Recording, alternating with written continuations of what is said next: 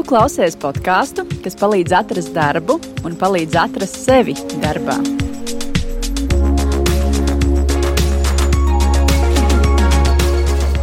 Podkāsts pirms darba ir atpakaļ. Studijā es Vineta un man pretī sēž mans kolēģis Juris. Sveicināti Juris Garjāns, podkāsta pirms darba producents, un šeit es esmu, lai iepazīstinātu ar jauno seriālu Pagrieziena punkts. Man vienā tev ir jautājums, vai tu atceries to brīdi, kad tu izlēmi sākt savu biznesu? Nē, neatceros. Mhm.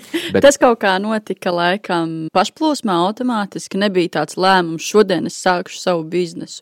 Varbūt atceros to brīdi, kad braucu uz banku un izveidoju pašnodarbinātā konta, bet tas bija varbūt krietni pāris mēnešus pēc. Bet vai tu atceries savu pagrieziena punktu, vai tu vari kādu notikumu nosaukt Jā. par pagrieziena punktu? Jā, noteikti. Pagrieziena punkts bija atlaišana no darba. Bija laiks pārdomāt uh, dzīvi, pārdomāt uh, to, kas es esmu un kas tad paliek uh, no manis, ja man darba nav. Lūk, šie ceļi, pa kuriem uh, cilvēks nokļūst līdz savai biznesa idejai, un tās biznesa idejas realizēšanai ir ļoti dažādi. Un seriāls pagrieziena punkts ir trīs stāsti par trīs biznesa idejām, par trīs cilvēkiem, kuri karjerā vai savā privātajā biznesā ir nokļuvuši izšķirošā brīdī, pēc kura viss var mainīties. Ja būs panākumi, tad tās būs jaunas iespējas, vai jāpiedzīvo neveiksmi, tad jāmaina plāni. Bet ar ko atšķirsies šis uh, podkāsts, ja miniseriāls no citiem līdzīgiem stāstiem, podkāstiem? Ar to, ka mēs ar savu kolēģi Līvu, kur ir uh, žurnāliste, podkāstu līdzautore, tikāmies ar mūsu stāsta varoņiem pirms šī nozīmīgā notikuma viņu karjerā vai biznesā un pēc tam. Mums bija interesanti izpētīt tieši šo pagrieziena punktu, saprast, kas mainījās viņu dzīvēm.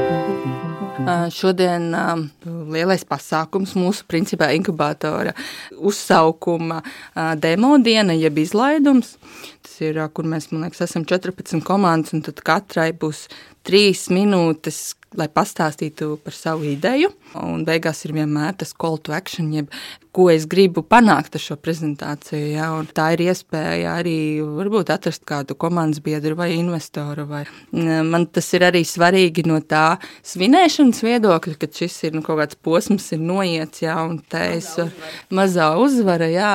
Un šī pat varētu būt jau arī liela uzvara, un, un, jo tā pieredze ir bijusi oi, nenormāli intensīva. un, un tā, ka dažkārt ir arī līdz asarām un, un tam līdzīgi. Tā doma ir tāda, ka ziedojot mūsu projektam 20 eiro, tu dāvinā saņem krūzi, ziedojot 50 eiro, tu dāvinā saņem krūzi plus 4 porcijas varēņiku un ziedojot 100 eiro, tu dabūji krūzi, un tu vari atvest savus draugus uz, eh, uz pusdienām, un mēs tev pabarosim ar to, kas mums tajā brīdī būs. Un tur noteikti nu, tur būs gan jau zupa, un varēņķi, un uh, tur būs uh, deserts, gan jau klāt. Mēs tev uztaisīsim tādas svētku kārtīgas pusdienas, tu varēsi braukt pie mums paēst. Un sanāk tāds, nu, tā kā tu kļūst par daļēji daļu no šī mazā uzņēmuma. Jebkuram labam uzņēmējam ir vienreiz dzīvē, uzņēmēji pieredzē, ir jāiziet šis ceļš, un tas ir, tas ir normāli. Tas nav jāuztver kā personīgi kaut kāda neveiksme. Un, paldies Dievam, es neuztveru to kā personīgo neveiksmi biznesā. Es mazliet vēl sevi esmu sagrozījusi par to, vai es to neuztveru sev personīgo kā profesionāļa neveiksmē, jo man nav ar ko iet pie nākamā sava topošā darba devēja. Bet saki, kāds bija tavs galvenais motīvs sākt savu biznesu? Kas bija galvenais mērķis? Es pat nevaru tev pateikt. Uh Nu, droši vien kaut kāds ego gribējās kaut ko sasniegt, kaut ko pierādīt sev citiem. Nu, tad otrs noteikti arī varbūt palīdzēt darba meklētājiem, palīdzēt atrast darbu vai, vai pakonsultēt. Jā, iemesli vai motīvi sākt savu uzņēmēju darbību var būt visdažādākie. Seriāla pagrieziena punkts varoņi ir sociālie uzņēmēji. Tas nozīmē, ka viņu biznesiem bez visiem mums labi saprotamajiem mērķiem eh, ir vēl papildus virsuzdevums, nes kādu labumu sabiedrībai vai nes kādu labumu sabiedrības neaizsargātākajām grupām. Un tieši tāpēc podkāsts ir tapis sadarbībā ar Latvijas Sociālās uzņēmējdarbības asociāciju. Sākumā viņa teica, tā, ka varbūt jūs pamēģiniet uh, piesaistīt kādu šuvēju ratiņkrēslā. Es domāju, kāpēc nē? Ja es arī tajā laikā es arī nesapratu, ja, ka šuvēju ratiņkrēslā vispār nevar būt. Jā, jo šovējām ir nepieciešams ļoti veiklas kājas. Uh, es saku, jā, kāpēc gan ne, iziesim, nu, nav grūti, un apmācības uh, tieši palīdzēs noformulēt mūsu domu. Un, uh, kad sākām rakstīt projektu, tad sapratām, ka kādas šuvēs ratiņkrēslos, ja es pati, man pašai ir invaliditāte, un es pati varu būt tas, kam mēs radam šo darba vietu. Kad rakstīju grāmatu, tad viens no maniem tādiem tēliem galvā bija viens puisīts no šīs krīzes centra. Māma bija ilgstoši slimnīcā, un tāpēc viņa ar brāli bija ielikti krīzes centrā. Un it kā viss forši. Sveču dienā es viņiem uzliku tādu uzdevumu, kad ir sveču kontūriņas un iekšā jāizpilda tur, pieņemsim, viens ar trīs turīšiem, viens ar aplīšiem, viens ar zvaigznītēm. Viņam viss ļoti labi sanāk, līdz viņš nonāk līdz vienai svecītai, kurā ir figūra, ko viņš nekad nav zīmējis. Lapa pa gaisu, dusmīgs tur tā tā, un es viņam saku, kas notika. Tā kā, ā, nē, šis uzdevums nepatīk, un ko tur, ko tur. Un beigās izrādās, ka jā, tāpēc, ka tu ne, nekad to neesi darījis, tu jau uzreiz pasaki, ka tev tur nesanāks, vai tam līdzīgi. Tad, kad viņš, protams, uzzīmē, protams, ka viņam sanāk. Jā. Un es jūtu, ka tajā brīdī, kad tu redz, ka notiek netaisnība, tik liela netaisnība pret tautu, pret cilvēkiem, kas vispār pie viņa vienam neko neprasīja. Un tā viņi vienkārši dzīvoja savu dzīvi un bija cilvēki. Un es jūtu, kā sāk kūsēt partizānu latviešu asins iekšā. Un šā, kā, un kā, un kā, es ne, un kā es nepalīdzēšu? Kā, kā, kāpēc? Pat nav jautājuma.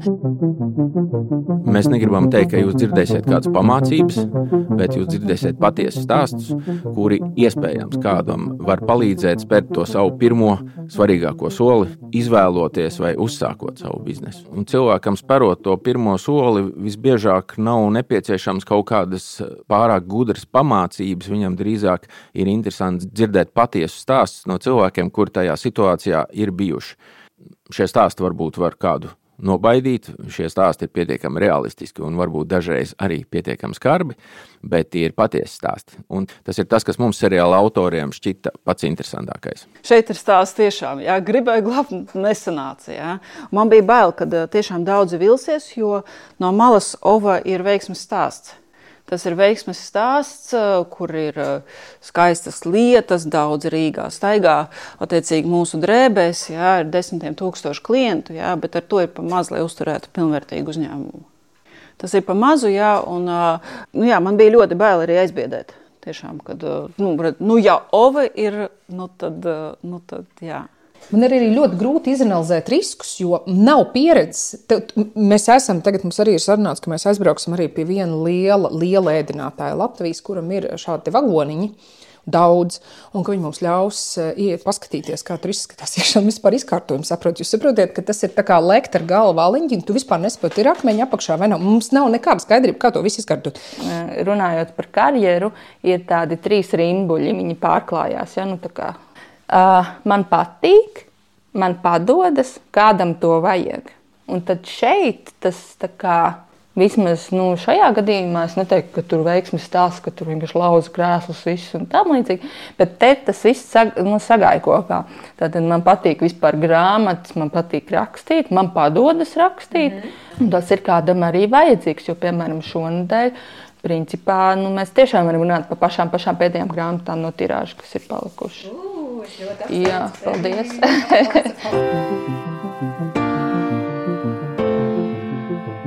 Nu, izklausās ļoti interesanti. Noteikti gaidīšu, ka tuvākajās dienās parādīsies mini-seriāls podkāstu platformās. Es esmu Juris Garjāns, podkāstu pirms darba producents, un ar mani studijā ir Līva Brutāne, podkāstu līdzautore un žurnāliste. Sociālo uzņēmēju patiesie stāsti seriālā Pagrieziena punkts. Atklātas sarunas pirms un pēc notikuma, kas visu mainīja.